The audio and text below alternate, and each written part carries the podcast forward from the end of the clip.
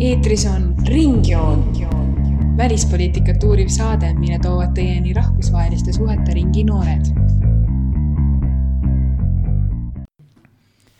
tervist, armsad Ringjoone kuulajad, oleme tulnud kahe vahva neiuga Kene stuudiosse. ma ei tea, kas te kuulete, aga enne siin just mängiti natuke sving-tantsumuusikat taustaks, aga täna räägime natukese morbiidsel teemal. räägime eutanaasiast ja meiega stuudios on täna arstitudeng, kes annabki selle meditsiinilise poole, Birgit. tere! ja Laura, kes annab siis selle eetilise poole. tere, tere! nii, hakkame siis asjaga pihta, pikalt ei hakka siin sissejuhatust tegema, ma arvan, et Laura, sul oleks kõige parem hakata seletama, mis on need eutanaasia terminid, sest neid mõistetakse tihtipeale valesti ja meedias kajastatakse ka väga vastakalt jaa, äh, ma, kuna ma õpin kõrvalerialana filosoofiat, siis ühes äh, praktilise eetika aines mind hakkas eutanaasia palju rohkem huvitama, sest et äh, see on üks teema, mis aina rohkem minu arust muutub aktuaalseks, et varem inimkonnal tegelikult ei olnud sellist probleemi, aga tänapäeval hoitakse inimesi meditsiini toel nii pikalt elus, et meil ongi reaalselt see probleem, kus inimesed veedavad oma viimased aastad tilgutite all ja on küsimus, et millal see elu siis tegelikult ära lõpetada ja see muidugi on hästi-hästi polariseeruv teema poliitilises diskussioonis. ja noh, vähe on selliseid teemasid, mis oleks nii kirgiköitvad, teine selline bioeetiline teema on kindlasti abordi teema. ja siis ongi nagu äh, küsimus ühel poolel nagu kvaliteetse elu ja inimväärikuse kohta ja teisel poolel on nagu õiguse, eluõiguse kohta, et äh, millal tuleks loobuda elust ja see võib viia nagu libedale teele. minu arust mõlema, mõlema poole argumendid on kindlasti väärt arutamist, et ei ole nii, et et üks oleks kohutavalt emotsionaalne ja teine ei oleks, et kindlasti siin on mõlemal poolel hästi nagu vajalikke argumente, mis tuleks kaal-, kaaluda. aga siis äh, terminite kohta on jah, tõesti nii, et äh, et peamiselt, kui me räägime sellisest nagu radikaalsemast eutanaasiast, mis äh, on mõnes üksikus riigis legaalne, siis me räägime aktiivsest ja vabatahtlikust eutanaasiast. vabatahtlik on siis see, et patsient ise esitab soovi enda elu lõpetamiseks ja on olemas ka mitteteavitatud eutanaasia, kui patsient ei ole seda soovi teada andnud, ehk siis ta on, noh, me ei teagi, kas ta tahaks seda või ta ei tahaks, sest et ta on tavaliselt kas näiteks koomas või vegetatiivses seisundis. et äh, arst või siis tema lähedased teevad selle otsuse tema eest ja no lisaks võib öelda ka, et on mitte vabatahtlik eutanaasia, mis ongi tegelikult mõrv, kuna kui inimene on täielikult teadvusel ja ei taha eutanaasiat ja keegi lihtsalt tapab ta ära, siis tegelikult on ikkagi tegemist mõrvaga ja sellest noh, selle legaliseerimisest küll kuskil ei räägita liberaalses demokraatlikus riigis. Ehm, nii et peamiselt me räägime siis nendest kahest vabatahtlikust ja mitteteavitatud ja siis, mis nende vahe on ja lisaks läheb sisse ka aktiivne ja passiivne aktiivne ongi siis äh, otseselt nagu mürgi andmisega elu lõpetamine ja passiivne on siis toidu või siis ravimite äravõtmine, nii et äh, patsient ise sureb mingi aja jooksul, tihti see võib olla mitu päeva või isegi nädalaid, kui inimene lihtsalt äh, nii-öelda kärbub ära et, et see et, et selline viis tegelikult on, on noh, enamus kohtades ka Eestis legaalne, kuna lihtsalt kui inimesel on mingi raske haigus, siis ühel hetkel ei ole teda nii eetilises mõttes kui ka lihtsalt äh, ressursside mõttes enam mõtet elus hoida, äh, kui, kui on nagu selge, et ta kunagi enam ei ärka ellu, vaid ongi selles vegetatiivses seisundis siis lihtsalt lõpetatakse vee ja toidu ja ravimite andmine ja ta mingi aja pärast sureb. aga üks huvitav küsimus ongi siis filosoofias, et kust tegelikult läheb see vahe, kas üldse on vahe aktiivsel ja passiivsel eutanaasial, et kas on mõtet neid eristada, sest need on noh, väga tugevalt eristatud, kui ainult mõnes üksikus riigis on aktiivne äh, legaliseeritud, eriti just mitteteavitatud eutanaasia puhul, sest et kui patsienti soovi me ei tea, ähm, noh näiteks ta on olnud äh, kas isegi kümme aastat näiteks äh, sellises seisundis, et me ei tea ammu enam, mida ta üldse mõtleks selle asja kohta siis kas on tegelikult vahet, kas me noh, nii-öelda tapame ta kohe mürgiga või me võtame talt äh, äh, lihtsalt toidu ära ja ta sureb mingi paari päeva järel. tegelikult, kui suur vahe seal on, võib-olla ühe puhul ta lihtsalt kannatab natuke rohkem. ja noh, muidugi tuleb siia religioon väga tugevalt sisse, et peamiselt eutanaat-, eutanaasia vastased ongi siis ähm, noh, Euroopas peamiselt katoliiklased või muu kristliku taustaga inimesed, mujal maailmal kindlasti teised religioonid noh, kellel on ikkagi elu väga püha ja kui Jumal on sulle elu andnud, siis kuidas sa saad ise otsustada, et sa võtad selle ära. aga võib-olla enne, kui nende eh, filosoofiliste argumentide juurde edasi minna, võiks rahvusvahelisest temaatikast ka rääkida natuke. ja Birgit, võib-olla sa valgustad veidi, kus riikides üldse on aktiivne eutanaasia legaliseeritud? Eh, see on legaliseeritud siis eh, Euroopas, eh, Šveitsis, Hollandis, Belgias, Luksemburgis ja mujal Kanadas ja Kolumbias. ja need seadused mõnevõrra erinevad näiteks vanusepiirangu poolest, et Šveitsis ja Belgias ei ole vanusepiirangut, Hollandis on näiteks vanusepiiranguks kaksteist, mujal on, peab siis olema täisealine. Ja samamoodi erinevad need sümptomid või mitte sümptomid, vaid diagnoosid, mille puhul tohib teha enesetappu, et Šveitsis ja Belgias on need suhteliselt vabad, näiteks sinna alla võivad minna ka vaimsete haigustega, noh, depressiooni, alkoholismi. Äh, selliste diagnoosidega inimesed, kellel on siis äh, antud luba teha eutanaasia, et teistes riigides on need siis mõnevõrra karmimad, et tihti ainult siis äh, raskete diagnoosidega, millel siis kindlasti ravi ei ole. ja siis Šveitsis on legaalne ka nii-öelda siis abistatud enesetapp, mis ei pea isegi tulema arsti poolt ja see loetakse kriminaalkuriteoks ainult siis, kui sellel on nii-öelda isekad eesmärgid. ja Belgias on lubatud siis arsti poolt ka abistatud enesetapp, mitte siis vaid eutanaasia. Miks see teema üldse mind kõnetas või miks ma üldse pakkusin teile, et võiks rääkida eutanaasiat, on, eutanaasiast on selle tõttu, et mul on üks portugallasest tuttav, kes tegi Facebooki pika postituse portugali keeles. Facebook ise mhm. tõlgendas eesti keelde ära mulle või äkki inglise keelde ja tema on äh, väga vastu, et Portugalis, ma nüüd natuke räägin äh, rohkem sellest taustast ka, kahekümne esimesel veebruaril Portugal siis astus selle esimese sammu äh, legaliseerida eutanaasia, aktiivne eutanaasia. ja siis see minu portugallasest tuttav tegigi pika postituse, et see on täielik hukk Portugalis ja kuna tal on tugev katoliiklik taust, siis selles suhtes ei üldse ei imesta kui Portugalis on, valdavalt inimesed on katoliiklased. ja nüüd see ongi lähiajal selgumas, kas see päriselt legaliseeritakse või mitte, aga mis ongi huvitav, et Kolumbias on ju legaliseeritud ja versus Portugal, mis on ju Euroopa riik ja justkui peaks olema läänelike väärtustega ja praegu on seal suured tulised vaidlused sellel teemal. sidudes Portugaliga, kuidas siis mujal on religioon versus eutanaasia teema? see on jah hästi huvitav, sest on mitmeid riike, kus on olnud sellised avalikud juhtumid, no mis mingil põhjusel on jõudnud meediasse ja täiesti lõhestunud nagu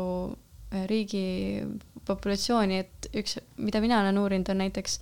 ähm, hästi huvitav asi Prantsusmaal, eelmine aasta lõppes just kaks tuhat üheksateist suvel lõpuks äh, mees äh, Vincent Lambert siis lõpuks ähm, tal oli siis, ta oli üksteist aastat tegelikult vegetatiivses seisundis ja viimaks ta siis, tal lasti surra just eelmine aasta. ja selle põhjus oligi siis see, et ähm, pool tema perest või suurem osa ta perest äh, oli siis tohutult katoliiklik, peamiselt tema vanemad. ja, ja nemad siis võitlesid selle vastu, et äh, noh, alguses tema, tema naise nagu ähm, käest küsiti ja naine ütles, et jah, ta võib, äh, kuna ta ilmselt ei, enam ei ärka ellu seda ütlesid arstid, et noh, siis teda võib siis teha talle eutanaasia ehk siis just see toit, toit ja noh, voolikud tagant ära võtta, kuna see on Prantsusmaal lubatud, Prantsusmaal muu eutanaasia ei ole. Ja naine nagu lubas, aga siis vanemad kaebasid kohtusse ja üheteist aasta jooksul vanemad järjest kaeb-, kaebasid seda juhtumit ükskõik millisesse võimalikku kohtusse, mis oli võimalik iga kord, kui tagasi lükata, uuesti aina edasi, edasi, kuni siis selle lõpuks äh, Euroopa kohtusse, inimõiguste kohtusse ja, ja siis ongi, et tema, tema naine ja talle lähedased inimesed äh, väidavad, et ta ise ei oleks tahtnud, et teda oleks kunstlikult äh, elus hoitud. Noh, kirjandlikud tõendid muidugi sellest puuduvad, aga tegelikult see Lambert oli ise arstiõde, ta ise töötas ka meditsiinis ja noh, seetõttu nad, tegelikult see oli jutuks tulnud naisega ja kunagi ta oli nagu öelnud oma seisukoha, nii et tegelikult noh, ma usun tegelikult, et naine nagu ikkagi mingi, mingis mõttes teadis, mida ta mees oleks tahtnud Äh, aga vanemad äh, olid kategooriliselt vastu. ja vanemad manipuleerisid ka rahvast väga palju, sest et noh, Prantsusmaal tõesti oli hästi lõhestunud see, selle küsimuse tõttu rahvas ja vanemad äh, publitseerisid siis selliseid videoid Lambertist, kes oli sellises seisundis, et ta küll silmad käisid lahti-kinni ja ta nagu natuke liigutas oma pead ja, ja nagu tegi grimasse. Ja siis äh, vanemad manipuleerisid neid videoid just näidates neid hetki, kui eh, nagu noh, inimene rääkis temaga, mingi lähedane ja siis ta nagu oleks vastanud ja nagu reageerinud mingisuguse grimassi ja häälega. et justkui ta tegelikult saaks aru, mida räägitakse, aga arstid ütlevad, et see ei ole võimalik, et see on lihtsalt manipuleeritud. tegelikult ta tõesti noh, ta kuuleb küll, saab mingit heli ja häälesisendit, aga ta noh, ei ole võimeline tegelikult aru saama sellest ta oleks võinud samamoodi reageerida ka siis, kui tal oleks telefoniraamatut ette lugenud, see on see, mida tema arst ütles. et äh, see kohtuasi jõudis siis Prantsusmaa kõrgemasse kohtusse ja hiljem Euroopa Inimõiguste Kohtusse ja mõlemad kohtud kiitsid äh, pikkade protsesside tulemusel siis arstide otsuse heaks. ja ka Lamberti otsuse, et Lamberti vanemad vaidlustasid järjekindlalt ja lõpuks siis eelmine aasta nad loobusid sellest. Nad said lõpuks aru, et see ei ole väga võimalik ja siis Lamberti toitmine lõpetati ja ta suri umbes nädal aega pärast seda, üheteistkümnendal juulil. aga sa enne rääkisid, et USA-s on ka midagi sarnast olnud. jaa, Ameerikas oli ka, äh, küll siis varem, äh, tuhande üheksasaja üheksakümnendal aastal siis algas pihta see äh, suur juriidiline lahing, kus siis samamoodi naine vajus siis ajusurma ja oli ka nii, et tema abikaasa siis ütles, et tema kindlasti sellist elu ei sooviks vanemad siis olid vastu, lootsid ilmselt siis veel, et äh, ta ärkab ülesse sellest ja siis kestiski viisteist aastat niisugune pidev võitlus. vahepeal isegi ta, see masin tõmmati seinast ära umbes äh, noh, päevaks niimoodi noh, jäi ellu, siis äh, vanemad ruttu jooksid kohtusse, siis jälle pandi tagasi ja see kestiski niimoodi ja see lõpuks läks ka välja lausa presidendini, et siis lõpuks president Bushi otsusega siis lõpetati tema toitmine ja siis see ka tekitas rahva seas just niisuguse diskussiooni, et äh, mil-, kuidas sellises olukorras peaks käituma ja mis õige on ja mis eetiline tegu sellisel hetkel on. et neid näiteid on siis igalt poolt maailmast praegu. ja meilt omalt kodust on ju ka näide eelmisest aastast, kui see teema tuli jälle aktuaalseks, et Eestis sellest kogu aeg ei räägita, aga mingi aja tagant ikka tekivad need juhtumid ja nüüd eelmine aasta oligi esimene inimene, kellele anti siis luba minna Šveitsi oma elu lõpetama, Jane Paberit, kellel oli siis see haigus äh, ALS, keda te mäletate ilmselt seda selle jääämbri challenge'i tõttu mingid aastad no. tagasi. ta ise tegi ka seda challenge'it kunagi. ja teda on hästi palju meedias kajastati, on temaga palju intervjuusid ja tema lastega ja kõigiga. ja ta sai ka päris palju vastukaja sellele ja teda hakati on vist mingid lood, kuidas seda mingid soomlased ahistasid või noh, mingid religioossed inimesed, kes seda hakkasid talle pidevalt sõnumeid saatma ja et ta muudaks oma arvamust. aga ta oli veel, kas ta oli vist tantsijana olnud, et noh, tema jaoks selline haigus, mis, mis nagu järk-järgult temal nagu keha võtab, noh, teeb halvatuks, sellisele inim-, inimesele kindlasti on nagu, võtab väga palju elust ära. just, ja Birgit, sina tead võib-olla lähemalt rääkida, ka Šveits on ju ainuke Euroopa riik, mis ju laseb inimestel, välismaalastel. Äh, ma just siis ja lugesin, et ainult äh, Šveitsis on siis, kuhu praegu siis toimub see nii-öelda eutanaasiaturism. et äh, Hollandis just on siis öeldud niimoodi, et nad ei saa seda lubada, sest et ilmselt kui omas riigis ei ole võimalik, siis äh, siis, et just siis see kohalik komitee ilmselt ei ole andnud selleks nõusolekut ja neil on mingi probleem sellega, ehk siis nende, nemad teise riigina ei taha võtta seda vastutust. et siis äh, praegu jah, Šveitsi ja näiteks aastal kaks tuhat kaheksateist kakssada kakskümmend üks inimest siis käis Šveitsis äh, eutanaasiat tegemas mujalt maailmast ma praegusel hetkel ei leia, aga ma olen kuulnud küll ähm, noh, uuringutest, mis on tehtud siis nende kas Hollandi või Belgia või Šveitsi kohta, kus noh, on leitud, et, et see, kuna noh, mõnes riigis tõesti need tingimused selleks on väga vähesed, siis tegelikult on probleeme sellega, et neid tingimusi täita või siis äh, sellega, et liiga, natuke liiga kergekäeliselt ikkagi soovitatakse eutanaasiat või tehakse seda. sellega on olnud pro probleeme, aga ma praegu väga kiiresti guugeldas tõendeid ei leidnud, aga midagi sellist olen kuulnud küll, et see kindlasti on on keeruline, sest et kui midagi sellist juba lubada, siis on noh, mingi tõenäosus, et hakatakse rohkem lubama ja noh, tuleb mingisugune hetk, mil, mil võib juhtuda jah, et see on niivõrd normaliseerunud, et võib-olla tehakse seda liiga kergekäeliselt. Neid noh, see on minu arust küll juba probleem, kui näiteks patsient ise ei avalda selleks soovi, aga arst nagu paneb selle mõtte talle pähe ja soovitab seda. Et see on mingit sorti manipulatsioon juba, kuigi ma siiski pigem pooldan seda legaliseerimist. aga see on kindlasti väga suur debatt ja see peab olema ka kooskõlas rahva väärtustega kindlasti. sest et äh, Eesti absoluutselt ei oleks selleks valmis, ma arvan, et enne peab meedias ja üldse avalikkus peab pikalt seda debatti pidama ja mingid seisukohad peavad kujunema, et Eestis see on niivõrd uus teema. no tegelikult Šveitsis ka ma olen kuulnud, et ja Belgias, et seal on samamoodi ju ka paljud vastased, kes ei ole rahul sellega. aga noh, ma arvan, nad on lihtsalt ajast meist natukene ees, et seal on juba neid debatte rohkem peetud ja mingi seisukoht on kujunenud, et mingi, mingite küsitluste järgi Eestis tegelikult ka umbes pool rahvastikust toetaks seda, aga sellist asja rahvahääletusega legaliseerida oleks kindlasti väga pro probleemne. et ja ma arvan, et me peaks natuke rohkem veel oma väärtusi, väärtustesse eda, edasi arenema ja muutuma ja see peab olema mingisugune konsensus ikka. ja aga Eestis ei saa kindlasti religioon mingit moodi ette, et pigem oleme ikkagi ateistlikud. huvitav, mis, mis ettekäänded. seda mitte, aga äkki ta on pigem mingid äh, postkommunistlikud äh, taagad ja väärtused ja midagi sellist tuleb sealtpoolt ka. muidugi jah, ma ei tea. aga ta on jah, selline konservatiivsem suhtumine kindlasti ja nii palju, kui ma olen jälginud mingisuguste uudiste all sellist rahvaseisakut, siis selle põhiline on hirm just selle ees, et arstid siis jätaksid, kui neil on võimalus siis teha, soovitada eutanaasiat, siis nad näiteks jätaksid ravimata või siis öeldi ka, et mm, -hmm. et kuidagi see noh, tekib see mõjutusvõimalus, inimene tapab kasvõi näiteks mingil rahalistel eesmärkidel päranduse saamiseks mingit siis vanemat inimest sündida just, siis öeldi, et noh, et kes siis enam ravida viitsib, kui on nii palju lihtsam väljapääs. et sihuke mm -hmm. hirm nagu võib-olla inimestes takistaks seda. just paar päeva tagasi Postimehes ilmus, ma ei tea, kas seda saab artikliks nimetada, see on hästi lühike, aga aga Priit Sibul kirjutas äh, sellest, kuidas eutanaasia on enesetapp ja no ta on ka natuke see kõneviis, kuidas ta räägib, ta on ikka väga selgelt eutanaasia vastu ja nimetabki seda noh, põhimõtteliselt iga, igasugust eutanaasiat vist enesetapuks. ja ta ütlebki, et ähm, et kui seda nimetatakse enesetapuks, siis vastajate enamiku suhtumine ei oleks niivõrd jaatav, kui ta praegu on. et seda nagu noh, kui räägitakse väärikast surmast ja piinade lõppemisest, et siis see on justkui selliste ilusate sedelite kleepimine asjale, mis tegelikult ei ole nii ilus. no sellel on muidugi oma, oma sisu ka, et kindlasti see keel, kuidas me räägime asjast, see mõjutab päris palju. ja tema arvab, et, et kui me ühiskonnana praegu mingi nähtuse normaliseerime,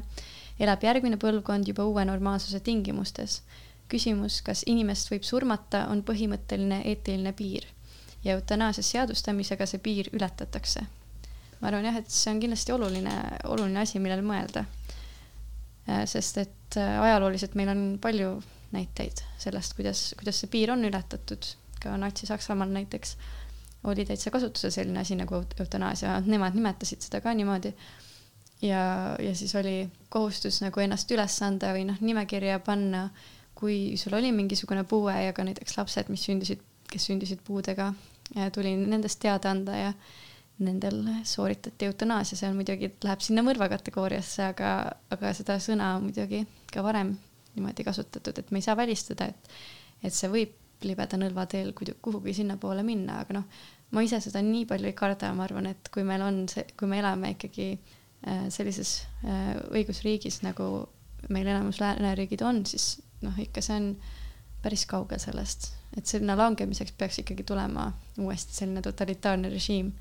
ja koos sellega peaksid kõik asjad muutuma. ma olen tähele pannud, et need, kes on eutanaasia vastased, et nemad tõmbavad paralleeli enesetapuga, aga need, kes on eutanaasia poolt, nemad ütlevad ju selle kohta vaba surm mm. -hmm. Birgit, võib-olla seletad veidi lahti, mis nende erinevus on siiski? no eutanaasial üleüldiselt on siis see, et äh, see siiski rakendatakse äh, juhtudel, kui elu niikuinii on lõppemas või äh, sellel edaspidisel elul ei ole väärtust selle inimese jaoks mm,. nii et see on, mina ütleksin nagu paratamatus, sest see üks hetk jõuaks niikuinii, seevastu enesetapp väga tihti on noh, liiga nagu radikaalselt rakendatud eh, meetod, sest et eh, noh, võib-olla sellel elul eh, võib veel nagu väärtust tulla, võib veel väärtust leida, kui see inimene lahendaks probleemid. ja eutanaasia puhul või siis selle vaba surma puhul nii-öelda see on noh, loomulik asjade käik lihtsalt siis kas kiirendatud või, või mugavamaks tehtud. eutanaasia vastased väga tihti levitavad selliseid lugusid äh,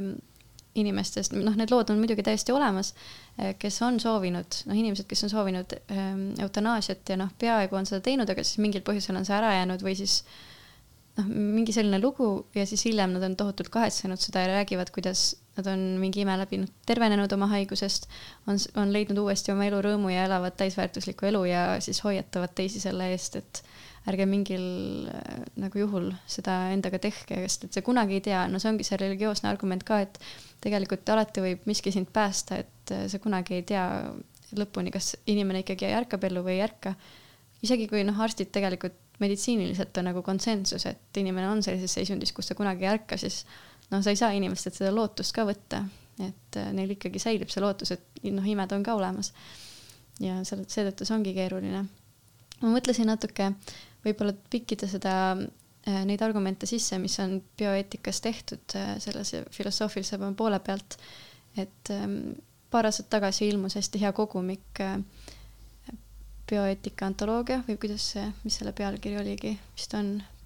bioeetika võtmetekste oli vist jah, ilmamaas. ja, ja seal on mitmed sellised eutanaasia seitsmekümnendatel kirjutatud äh, kõige kuulsamad äh, artiklid, näiteks siis James Rachelsi oma, eh, kus ta räägibki, et mis vahe on siis tapmisel ja surra laskmisel, just sellel passiivsel ja aktiiv, aktiivsel eutanaasial. see on ka väga huvitav, sest et ähm, noh, tihti kaitstakse seda erinevusteesi nii-öelda, et need on väga erinevad asjad. aga siis James Rachels ähm, tegi sellise kujutletava juhtumi ähm,. ma kirjeldan seda juhtumit, ma arvan, see on suhteliselt huvitav, et ähm, näiteks on olemas noh, kaks meest, Smith ja Jones ja nemad soovivad ähm, saada endale pärandust e, ja seetõttu nad tahavad äh, uputada oma kuueaastase sugulase, et äh, tema surma korral saaksid nad endale päranduse. eraldiseisvad juhtumid siis. Ja esimene stsenaarium oleks selline, et ähm, Smith hiilib siis vannituppa, kus tema kuueaastane sugulane on vannis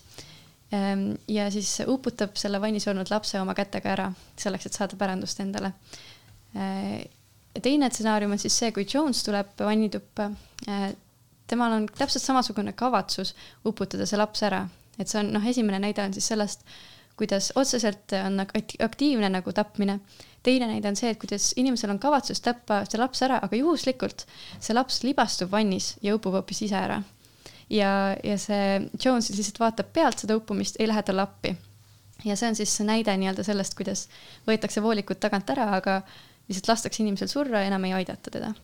ja Rachels väidab siis, et Jonesi käitumine ei ole kuidagi vähem laiduväärt, kui on Smithi oma, et nad on mõlemad väga probleemsed inimesed, et nad soovivad oma sugulast ära tappa.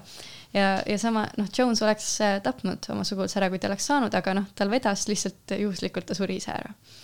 et see surra laskmine äh, Rachelsi sõnul siis ei ole nagu tegevusetus, vaid see on samasuguse eesmärgiga tegu, nagu tapmine on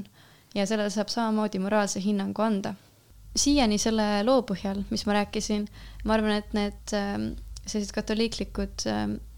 vanemad, kes on siis juhtumites kaitsnud äh, elu, õigust elule, nad kindlasti nõustuksid sellega, et need noh, on põhimõtteliselt sarnased asjad, et mõlemal juhul sa tapad inimese. aga Rachels tegelikult see, kuidas tema edasi argumenteerib, tema tegelikult soovitab kaaluda aktiivse eutanaasia lubamist just sellepärast, et need on sarnased ja kuna me lubame ühte, siis miks mitte lubada teist. ja tema argument just seostub äh, sellega, et äh, see surra laskmise protsess võib olla väga pikk ja piinarikas, samas kui surmava süsti saamine võib olla valutu ja kiire. ja noh, näiteks sellesama prantsus, prantslase puhul äh, tema suri alles nädal aega pärast selle toitmise katkestamist ja me võime ette kujutada, kuidas see kiire surmasüst võib-olla oleks olnud humaansem kui lihtsalt suremine dehüdratsiooni muidugi noh, ta ei saa väljendada ennast, aga ma ei usu, et see väga meeldiv on niimoodi eh, sellisel viisil surra. Seda muidugi on väga palju kritiseeritud eh, ja see on väga palju ajendanud edasi kirjutama. ja, ja siis tule, tulekski mõelda, et kas sellele leidub vastuargumenti, et kas oleks midagi nüansirikkamat, mis ei võrdu-, võrdsustaks siis passiivset ja aktiivset eutanaasiat, sest et minu arust me intu-, intuitiivselt nagu tunneme, et seal on mingi vahe, kas sa nagu annad inimesele mürki või lihtsalt võtad juhtmed tagant ära. ja siis äh, mõned teised filosoofid on öelnud, et tegelikult ongi vaja eristada seda tegu ja kavatsust, sest et see juhtum, mis ma enne rääkisin lapse uputamisest, äh, need kaks meest äh, muidugi on samaväärt laiduväärsed inimesed, kuna nad kavatsesid tõesti tappa inimest aga tegelikult nende sooritatud tegu on ju ikkagi erinev, eh, sest et mõlema mehe valmisolek tapmiseks ei, ei ole ju nii, nagu passiivne eutanaasia tegelikult toimib. passiivse eutanaasia puhul minu arust ei olda otseselt valmis tapma, vaid lihtsalt eemaldatakse ravi ja toit ja siis selle tulemusena patsient sureb. ja siis näiteks ähm, Winston Nesbit muudab seda äh,, modifitseerib seda juhtumit niimoodi, et see Jones laseb hea meelega oma sugulasel uppuda, kui ta juhuslikult peaks libastuma, aga ta ei ole valmis seda ise minema uputama. ja siis võibki mõelda, et kui seda juhtumit universaliseerida, siis äh, kummas maailmas me tahaksime elada, kas sellise, sellises maailmas, kus inimesed äh, otseselt kipuvad su elu külge, oleks sellised Smithi-laadsed inimesed, kes äh, noh, kui nad midagi soovivad, nad on tõesti valmis tapma inimesi või siis me tahaks elada sellises maailmas, ähm, kus äh, nad lihtsalt äh, juhuslikult, kui sa ise peaks äh, kuidagi õnnetusse sattuma, siis nad ei aita sind. Nad ei tule sulle appi, aga nad ei hakka sind otseselt tapma. kindlasti saab järeldada, et, et me tahaks sellises teises maailmas rohkem elada. ja sealt järeldataksegi, et tapmine on moraalselt hullem kui surre laskmine. aga no samas me võime öelda, et kõik need juhtumid, mida filosoofid toovad, et noh, need ei vasta tegelikult ju sellisele noh, sellele, kuidas tegelikult haiglates asjad toimivad, haiglates sul ei ole noh, eel-, eeldame vähemalt, et sul ei ole, need arstid ei taha pärandust kätte saada või midagi sellist, vaid nad tõesti muretsevad inimese päris heaolu pärast ja soovivad inimesele parimat, siis me võiks pigem mõelda, et eh, noh, et nad ei ole motiveeritud isiklikust kasvust, vaid nad on motiveeritud kaastundest ja nad ei tegutse mitte enda heaks, vaid teiste inimese kasuks. ma arvan, et eh, et mitte teavitatud eutanaasia juhtumid, nagu see Prantsusmaa juhtum, need pigem sarnanevad sellisele kaastundlikule tapmisele, et nad lihtsalt ei taha, et inimene nii pikalt piinaks, lõpetataksegi elu ära. ja noh, kui on teada, et inimene ei tõuse sellest seisundist enam kunagi välja, siis tal ei ole mõtet ju lasta minu arvates nende voolikute all eksisteerida. ja kui seda elu on juba otsustatud lõpetada, siis tõesti võiks seda võib-olla teha nagu kiiremalt ja piinavabalt noh, siis võib-olla võib öelda, et hoopis need vanemad, kes tahavad teda elus hoida nii pikalt, et, et just nemad on isekad, sest et noh, nende põhjused ongi, nad näevad mida, mingit reaalsust, mida tegelikult ei ole, et nad ootavad, et inimene kuidagi mingi ime läbi tõesti tõuseb ellu, aga tegelikult nad lihtsalt võib-olla hoopis piinavad rohkem oma last. no ma ei tea, siin on väga palju mõtlemiseks. väga palju agasid Äh, ma saan äh, rääkida siis sellest, äh, mis mina leidsin, et mis on siis ühed siuksed üldised seisukohad siis selle mm, aktiivse eutanaasia, kas siis poolt või vastu mm. -hmm et poolt ongi siis näiteks elukvaliteet, et on olemas siiski mõttetu elu idee ja kasvõi siis, mis me selle noh, näiteks selle Eesti eutanaasia, selle Eesti näitel saame öelda, et tema tundiski, et tema elu sellest haigusest edaspidi oleks mõttetu ja sellega käib siis kaasas inimväärikus ehk õigus väärikalt surra. ja eutanaasia olemus üleüldse on halastus ja ilmselt inimese üks põhiväärtustest võiks olla halastamine. Ja vastu siis, mis põhiline on, on siis meditsiini kiire areng ehk siis see, mis praegu võib olla ravimatus kohe-kohe võib olla ravitav, et see inimene võib jõuda teha ära otsuse eutanaasiale selle läbiviija ja võib-olla kohe pärast seda noh, leitakse ravi. no seda öeldi ka Portugalis, need äh, usklikud olid, tõidki selle näite, et äh, aga siis tuleb ju tervishoiusüsteem peab arenema ja meditsiin peab äh, ka arenema selles suhtes, et leida mingeid paremaid ravimeid ja aga kui ongi selline haigus, mida ei annagi ravida või see ongi lõppstaadiumis mm, -hmm ja siis äh, selle vastu on ka öeldud see, et, et peaks arendama pigem siis seda palliatiivravi, mis on siis noh, lõpuravi ehk siis valu leevendav ravi. kui siis viima läbi eutanaasiat, et, et noh, et siis öeldakse, et nii-öelda see eutanaasia nagu lihtsama, lihtsamale teele minek. ja samamoodi siis tekivad äh, nii-öelda valediagnoosi võimalus, et, et noh, arstid võivad ka eksida, et võib-olla see surmav diagnoos, mis on antud, ei pruugi üldse olla õige. ja eh, lisaks siis ka noh, üllatuslikud paranemised või et millal me siis peame ütlema, et nüüd siit edasi me enam imedesse ei usu ja et on sada protsenti kindel, et siit mitte midagi nagu loota ei ole. Teisalt jällegi, nüüd ei mäleta, kas see oli Kolumbias või et kirikud ka manipuleerisid natukese, et Kolumbias on sellised religioossed meditsiiniasutused, kes ravisid ka haigeid ja nad ütlesid, et kui, kui need haiged soovivad nende kirikute poolt loodud haiglates siis eutanaasiat sooritada, siis nemad nemad ei poolda seda ja nemad üldse, siis nad panevad üldse kirikud kinni kas ma ütlesin kirikud või? ma mõtlesin haiglad, enda haiglad, enda haiglad panevad siis kinni. et kas see on ka nüüd eetiline? küsiks teilt. no kindlasti ei ole, ma arvan ma leidsin ka nüüd siukse lause, mille ütles äh, siis üks äh, Eesti advokaat eh, Ants Nõmper ütles siis, et noh, ühesõnaga ta pidas siis arutelu selle üle, kas Eestis kunagi siis surmaabi, nimetab tema siis eutanaasiat, et kas see siis lubatakse. Ja siis tema ütles niimoodi, et siis vastavalt seadusele, et kui aktiivravil pole enam mõtet, siis selle lõpetamine ei ole eutanaasia, vaid patsiendiga sõlmitud tervishoiuteenuse osutamise lepingu nõuetekohane täitmine. Et, et see on siis noh, seaduses selles suhtes välja võetud, et noh, pooleldi ma oleks nagu juba nõus sellega, aga samas inimesed peavad ikka veel Šveitsi minema. ikkagi raske on siin vaba surma langeda mm. -hmm. lugesin Margit Sutro, Sutropi artiklit ka eutanaasia teemal ja üks kõige tugevam argument ilmselt eutanaasia pooldajate poolt on see, et inimese enesemäära, inimese enesemääramisõigus on see, et see on tema, see on individuaalne, see on inimese enda otsustada, kas ta siis tahab nii raskes olukorras veel, kas näeb mingit mõtet või mitte. teisalt jällegi noh, siin tuleb selle poliitilise aspekti ka ikkagi mängu tuua, et see ei ole nii lihtne asi, mille üle otsustada ja kindlasti, nagu sa, Laura, enne ka mainisid, et tuleb pidada avalikke debatte sellel teemal ja mingisugune, ilmselt jah, Eesti on veel noor, et veel kohe julgeid otsuseid teha sel teemal, et enne tuleb läbi arutada ja võib-olla tuleb lihtsalt veel natuke kasvada sellel teemal mm. -hmm. Ma arvan, selles suunas, eh, kuhu lääneriigid liiguvad, pigem see individualism nii-öelda suureneb no me muidugi ei tea, mis need tegelikud arengud tulevikus on, aga pigem viimastel aastakümnetel, alates seitsmekümnendatest, kui bioeetika üldse tekkis sellisel kujul, siis on ikkagi aina suurenenud selline autonoomia tähtsustamine. Et ähm, ma väga ei usu, et me lähme tagasi ühiskondade juurde, kus on religioonil hästi tugev roll, no see võib olla võimalik mõnel pool maailmas, aga just, et ta meditsiinis mängib aina suuremat rolli, seda ma pigem ei usu. nii et ma arvan, et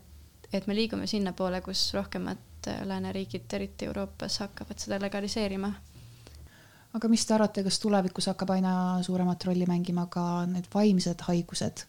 Praegu me oleme keskendunud ainult pigem füüsilistele haigustele tegelikult Hollandis praegu juba on näiteid, kus äh, siis selle eutanaasia äh, komitee läbivad siis ka vaimsete haigustega inimesed, näiteks äh, üks alkohoolik siis, kellel siis noh, alkoholist tulenevalt tuli ka depressioon ja muud sellised noh, ärevushäired ja nii edasi. et tema siis sai nõusoleku eutanaasiale ja samamoodi siis ka üks noor naine, kes on siis noh, teismelisest peale oli juba depressiooni põdenud, et ka tema, et siin tekibki siis äh, ka see diskussioon, et äh, kas vaimsed haigused ei ole midagi, noh, millele sa ei saa panna diagnoosi, et sa mitte kunagi ei saa sellest terveks, ehk siis inimese tahe sellele surmale noh, saab nii palju määravamaks kui siis see päris diagnoos ja päris ekspertide hinnang, hinnang et see siis on, mis ka seda diskussiooni minu meelest elavdab, et kas siis sellised inimesed noh, saavad ka õiguse sellele eutanaasiale. ma arvan, et see on tulevikus üks kõige suurem libe nõlv siin, sest et nende füüsiliste haiguste puhul on palju kin-, lihtsam ju diagnoosida, ma arvan, kui neid vaimseid. et mida liberaalsemaks me muutume, see on täiel-, täiesti võimalus, et äh, rohkemates riikides sa saadki ennast depressiooni pärast lihtsalt ära tappa seaduslikult. See on kindlasti asi, mida tuleks nagu väga palju täpsustada nendes riikides, kus on legaliseeritud kõik need tingimused ja et psühhiaater oleks juures ja vaataks väga põhjalikult kõik üle ja mul ei ole midagi rohkem. jah, see äh, komitee või see konsiilium, kes nii-öelda selle otsuse teeb, et äh, kohati see minu meelest on praegu juba tehtud suhteliselt selliseks äh, kindlaks, et see ei saaks olla kuidagi kellegi poolt mõjutatud, kas siis arsti või lähedase poolt, et inimene, mis peab selle otsuse või jah-sõna ütlema kindlasti üksinda mitmele inimesele, seal on igasuguseid erinevaid arste, ka nagu teistelt erialadelt, et ongi noh, kas siis psühholoog või siis mingisugune äh, mees, kas psühholoog või mingisugune siis siukse äh, selle religiooni poole esindaja ja inimene lõpuks selle vist süstla isegi vajutab ise alla, näiteks Šveitsis peaks see niimoodi toimima, et see on noh, see küll praegu on suhteliselt karm, aga noh, kindlasti see liigub seal, kus see legaliseeritud on, see liigubki jah sinna, et ta on nagu läheb libera-, liberaalsemaks. aga sellistel kurbadel nootidel me paraku lõpe- või kas ikka lõpetame kurbadel nootidel, see on jällegi tõlgendamise küsimus. no see oleneb, kuidas te ise suhtute eutanaasiasse. et äh, ilmselt me jõudsime üksmeelele, et liberaalsemaks ta muutub, eks tulevikus ole näha, kuidas sellega edaspidi läheb, aga tänud kuulamast ja kohtume järgmisel nädalal